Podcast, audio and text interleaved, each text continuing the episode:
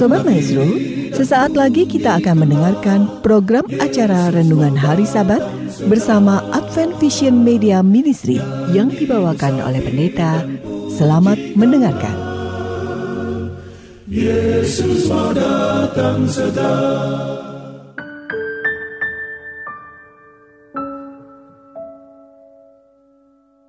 Selamat pagi dan selamat sabat saudara-saudaraku yang dikasih oleh Tuhan. Salam sejahtera buat seluruh pendengar maestro yang kami sangat kasihi. Pada pagi sabat ini kita akan bersama-sama merenungkan firman Tuhan yang kita dasarkan pada Wahyu pasal 18 yang saya beri judul Pergilah dan jangan berbuat dosa lagi. Sebelumnya saudaraku mari kita akan berdoa. Bapa yang bertahta dalam kerajaan sorga, kami mohon bimbingan roh kudus ketika kami akan membaca dan merenungkan firman Tuhan. Dan terima kasih atas perlindungan penyertaan Tuhan pada malam juga pagi hari ini. Di dalam nama Yesus Kristus kami berdoa dan mengucap syukur. Amin. Saudara-saudara yang dikasih oleh Tuhan, kita sudah belajar bersama dari pasal ke pasal pada kitab Wahyu pas uh, mulai pasal pertama dan kita sudah memasuki pasal yang ke-18 yang saya beri judul Pergilah dan jangan berbuat dosa lagi. Satu kalimat yang pernah disebutkan oleh Yesus kepada seorang uh, yang kedapatan berzina. Saudaraku, kalimat itu menarik sekali buat saya untuk menerapkannya pada pasal 18 dari kitab Wahyu, yaitu pekabaran tentang peringatan Tuhan kepada umat-umat Tuhan, kepada mereka yang dipanggil untuk menjadi bahagian yang tetap setia kepada Tuhan. Saudaraku, mari kita lihat pasal 18. Disebutkan menurut Alkitab yang dikeluarkan Lembaga Alkitab Indonesia diberi judul Jatuhnya Babel. Mari kita lihat ayat demi ayat. Kemudian daripada itu, aku melihat seorang malaikat lain turun dari sorga. Ia mempunyai kekuasaan besar dan bumi menjadi terang oleh kemuliaannya. Dan ia berseru dengan suara yang kuat. Ya. Saudaraku ayat 1 men memperlihatkan yang disampaikan oleh Yohanes ini ada seorang malaikat yang dengan kekuasaan besar dan bumi menjadi terang oleh kemuliaannya. Ini seperti gambaran uh, yang luar biasa dari malaikat ya. Dan memang malaikat adalah uh, satu figur yang begitu agung. Ya, tentu saja keagungannya tidak melebihi daripada Tuhan. Namun ini seperti gambarannya mendekat kepada Tuhan sendiri, ya. Tetapi ini bagian dari pekabaran-pekabaran dari malaikat kepada malaikat berikutnya dan ini disebut sebagai malaikat lain. Ini artinya adalah satu pekabaran yang terus-menerus secara konsisten dengan uh, diutusnya para utusan-utusan Tuhan yaitu malaikat-malaikat yang juga disebutkan di dalam pasal-pasal sebelumnya khususnya pada pasal yang ke-14. Ada pekabaran tiga malaikat ya. Dan saudaraku sekalian pada uh, pernyataan ayat satu ini ada seorang malaikat lain turun dari sorga memberi pekabaran yang juga amat penting dan melanjutkan tentunya. Mari kita lihat ayat yang kedua. Apa yang dibawanya dalam pekabaran yang disampaikan oleh malaikat uh, pada pasal 18 ini sudah rubuh, sudah rubuh Babel, kota besar itu, dan ia telah menjadi tempat kediaman roh-roh jahat, dan tempat bersembunyi semua roh najis, dan tempat bersembunyi segala burung yang najis dan yang dibenci. Wah, saudaraku sekalian, pekabaran yang dahsyat, ya, bahwa ada sebuah tempat yang disebut dengan Babel dan di tempat itu banyak berkumpul roh-roh najis yang dibenci oleh Tuhan. Saudaraku, mari kita lihat bahwa pekabaran peringatan pada pasal 18 ini nampaknya tidak ditulis secara kronologis sebab pada pasal sebelumnya kita melihat malapetaka-malapetaka yang akan terjadi kepada penduduk dunia ini. Kalau malapetaka itu sudah dilakukan, tentu saja peringatan ini tidak uh, tidak menjadi sesuatu yang penting lagi. Jadi ini menjadi sesuatu yang sangat penting karena malapetaka akan tiba. Nah itu sebabnya boleh jadi uh, para pembaca, penafsir Alkitab melihat bahwa ini adalah satu pernyataan uh, Tuhan melalui uh, hamba Tuhan dalam penglihatannya bahwa ini adalah pekabaran yang tidak secara kronologis tetapi diberikan kepada umat Tuhan memberi peringatan peringatannya adalah lihat bahwa di tengah-tengahmu di mana engkau sedang uh, berada di, di tempat yang sama engkau harus uh, melakukan sesuatu. Mengapa? karena sudah rubuh. Tempat itu yang disebut dengan Babel, kota besar itu sudah rubuh. Baik, peringatannya ingat kalau ini sebuah tempat sudah rubuh, bayangkan saudaraku sekalian kalau ini adalah sebuah gempa bumi, ya. Kalau rumah atau sebuah gedung akan rubuh, ya, baru akan rubuh saja itu menjadi sesuatu yang persoalan besar tentunya. Apalagi kalau sudah rubuh, ya siap-siap saja kita akan mati bersama uh, banyak orang yang berada di gedung itu. Maka pekabaran ini adalah pekabaran yang sangat mendesak, pekabaran yang sangat penting karena sudah rubuh dan kita berada di tempat itu rupanya. Loh, mengapa kita berada di tempat itu? Bukankah itu Babel? Bukan kita. Tapi mari kita perhatikan, siapa sesungguhnya Babel itu? Ya, siapa sesungguhnya Babel itu?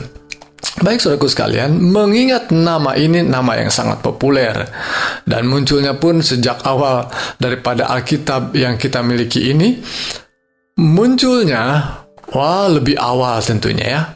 Pada pasal-pasal pertama daripada uh, kitab Kejadian sudah muncul nama itu. Artinya ya ketika uh, muncul istilah atau cerita menara Babel ini adalah sebuah petunjuk bahwa nama itu terkait dengan kelompok orang yang menentang Allah. Kelompok orang yang mencari-cari uh, keselamatan dengan usaha manusia, mencari kekuatan dengan usaha manusiawi dan tidak bersandar pada kuasa Tuhan. Jadi saudaraku sekalian, kata ini atau uh, nama Babel terkait dengan usaha manusia dan bahkan sikap manusia untuk menentang Tuhan, menentang rencana Tuhan. Dan kemudian di dalam pergerakan sejarah kita melihat seperti yang kita sudah pelajari dalam kitab Wahyu ini dan juga dalam kitab uh, Daniel yang kita sudah pelajari sebelumnya. Kata ini muncul karena juga ada kerajaan Babel atau Babylon ya yang menjadi negara atau uh, sebuah kota besar yang mendunia yang menjadi negara adidaya. Dan kota ini pun menjadi penindas, negara ini menjadi penindas umat Tuhan.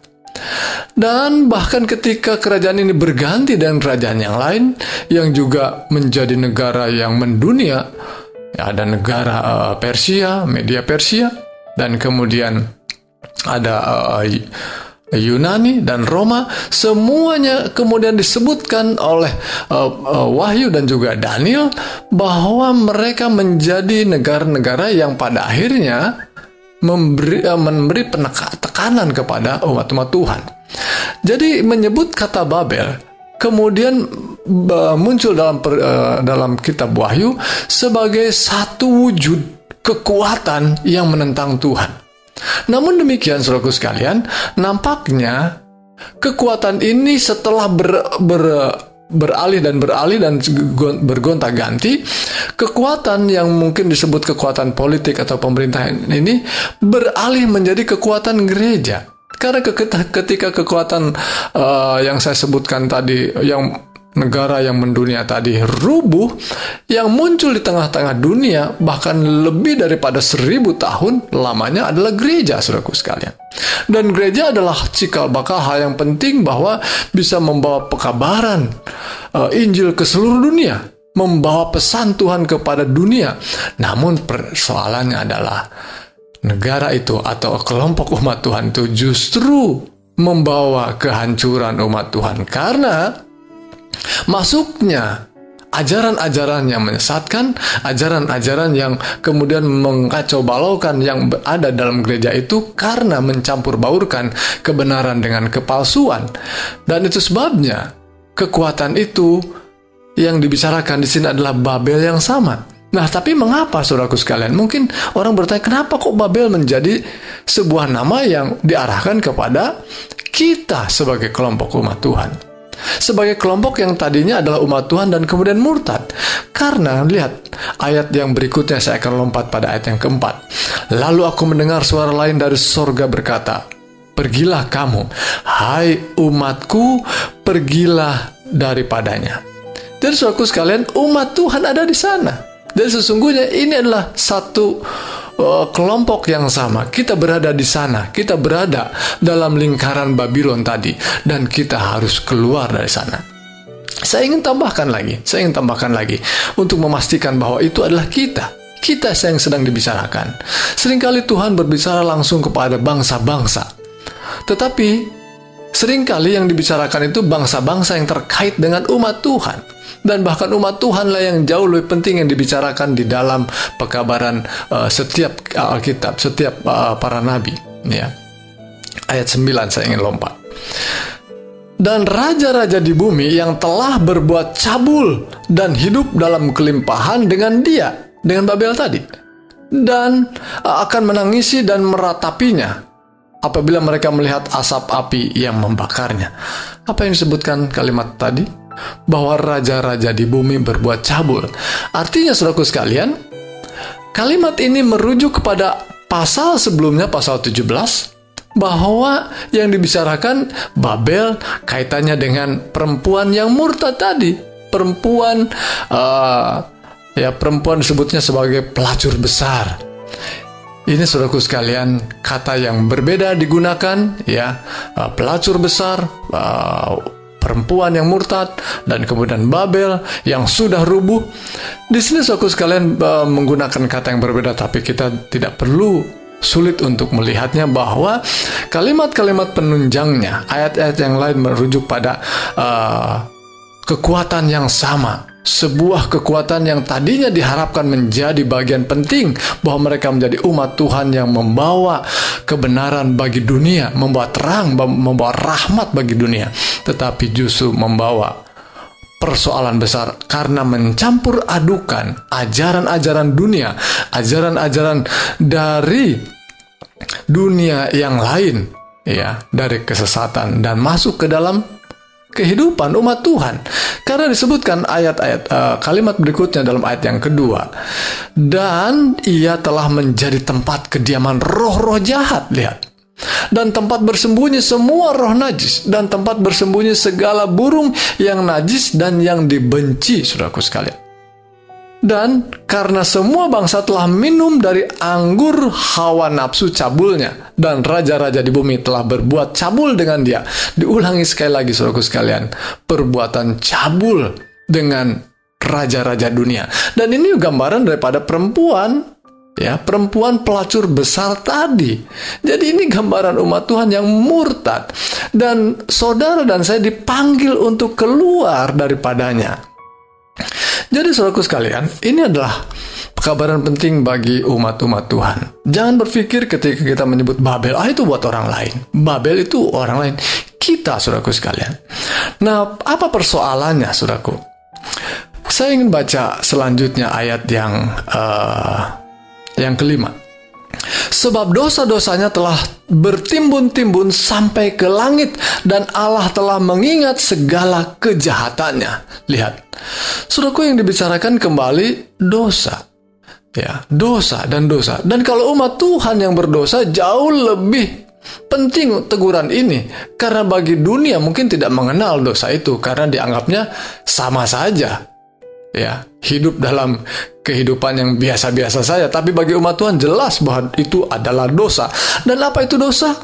Ya, hamba Tuhan Yohanes menulis di dalam surat Yohanes 1 uh, pasal 3 ayat 4 bahwa dosa itu adalah pelanggaran hukum. Jadi jelas sekali mengapa Babel itu sudah rubuh karena sudah mencampurkan kebenaran yaitu uh, seolah-olah kebenaran tetapi rupanya di dalamnya adalah pelanggaran hukum.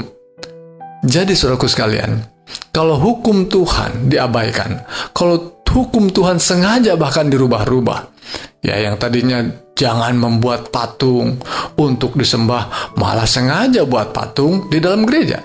Bahkan sujud di, di hadapannya. Mungkin tidak terasa, oh ini bukan penyembahan katanya. Tapi kalau kita sudah menghadirkan dengan cara tertentu seperti ini, ini melanggar hukum Tuhan. Apa tadi disebutkan dosa? Dosa sama dengan pelanggaran hukum Tuhan.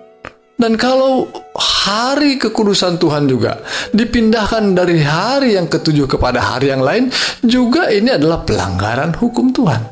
Jadi saudaraku sekalian, dosa dengan jelas sekali ditandaskan oleh Yohanes. Penulis yang sama dalam eh, surat Yohanes dengan kitab Wahyu menyatakan dosa itu apa. Dan Babel itu sudah rubuh karena pelanggaran hukum. Bila mana kelompok saudara, bila mana gereja saudara melakukan dan mengakui hal tersebut dan saudara harus terpanggil melalui ayat ini sudah rubuh, sudah rubuh. Kelompok kita, kalau gereja kita sudah rubuh dan kita harus keluar, bukan harus keluar dari gereja. Bisa jadi mungkin keluar dari gereja, tetapi harus keluar dari pemikiran dari ajaran itu agar kita tidak tertimpa oleh reruntuhan daripada gereja kita itu.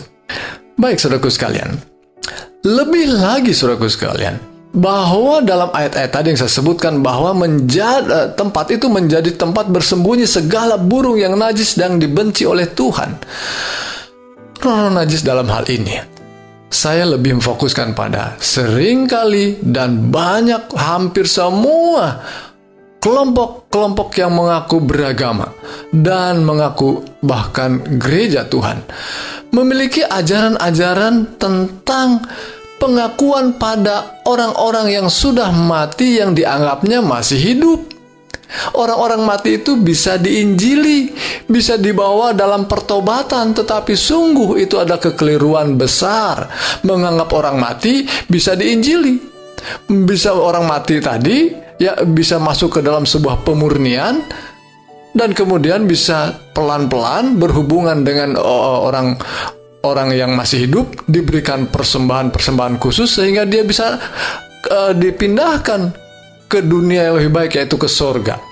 Jadi saudaraku sekalian, cerita-cerita dongeng dan kebohongan ini muncul di tengah-tengah kelompok yang menyebut umat Tuhan kelompok gereja, bahkan di agama-agama non-Kristen itu sudah biasa membicarakan sesuatu di luar manusia yang hidup, yang bisa berhubungan dengan kita yang hidup. Dan ini adalah roh spiritisme yang muncul di gereja dan kata Tuhan ini menjadi tempat kediaman roh-roh jahat, jadi tempat bersembunyi semua roh najis yang dibenci oleh Tuhan. Jadi saudaraku sekalian berhati-hati, kita harus tentunya waspada bahwa gereja kita, bahwa kelompok yang mengaku umat Tuhan harus keluar. Harus keluar dari kenyataan ini, keluar dari ajaran yang menyesatkan. Saudaraku yang dikasih Tuhan, ketika saya mengutip uh, ayat yang terdapat dalam uh, Injil Yohanes pasal 8 ketika Tuhan uh, datang menyelamatkan uh, perempuan yang kedapatan berzina dan orang yang kedapatan berzina tadi perempuan tadi begitu merana hidupnya. Dia nampaknya tidak ada harapan lagi karena dia kedapatan bahkan kelihatannya dijebak ya oleh para pemimpin agama untuk mana mau menjebak Yesus sesungguhnya dan dihadapkan kepada Yesus. Memang perempuan ini tidak ada harapan lagi dan dia hanya siap mati oleh karena dosanya. Namun, saudaraku sekalian, ketika di hadapan Tuhan Yesus, Perempuan ini mendapatkan rahmat, mendapatkan kasih karunia. Dia katakan kepada kelompok orang yang mengajak untuk melempari uh, dengan batu, karena itulah hukumnya harusnya. Tapi Tuhan mengatakan, "Oh, silahkan, silahkan hukum dengan batu, eh, dirajam dengan batu. Bagi siapa yang tidak berdosa, silahkan lempar duluan." Karena mereka juga orang-orang berdosa yang sama, tidak ada yang berani, ya. Dan akhirnya aku pun tidak menghukum engkau, hai perempuan. Pergilah dan jangan berbuat dosa lagi. Saudaraku sekalian, masih ada kesempatan saudara dan saya ketika disebutkan kalian adalah Babel, Babel sudah rubuh dan kalian harus pergi. Keluarlah Pergi, hai umatku, pergilah kamu, hai umatku, pergilah daripadanya supaya kamu jangan mengambil bagian dalam dosa-dosanya. Sudahku inilah pekabaran penting dalam kitab uh, Wahyu pasal 18. Saya akan uh, potong bagian ini menjadi dua bagian dan kita akan bahas pada uh, sahabat berikutnya. Tuhan kiranya menolong kita keluar dari kesesatan, keluar dari ajaran yang tidak benar, kembali kepada ajaran Tuhan yang diajarkan oleh firman Tuhan. Tuhan Yesus berkati kita, mari kita berdoa. Bapa yang bertahta dalam kerajaan sorga, terima kasih untuk firman Tuhan.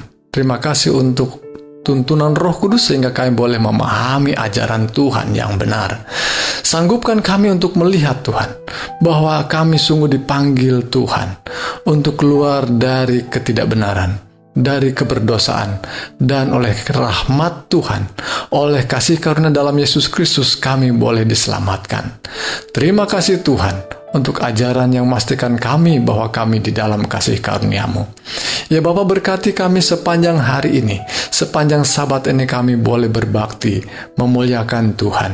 Inilah pengharapan kami, penyertaan Tuhan menjadi bagian kami dan bahkan bagi saudara kami yang dalam keadaan sakit dan lemah, Tuhan tambahkan mereka iman, tambahkan kekuatan dan jamahan tangan Tuhan kiranya memulihkan, menyembuhkan mereka. Di dalam nama Yesus Kristus kami berdoa dan mengucap syukur. Amin.